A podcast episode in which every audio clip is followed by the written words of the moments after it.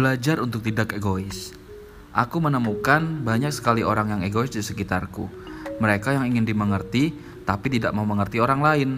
Mereka yang ingin dihormati, tapi tidak mau menghormati orang lain.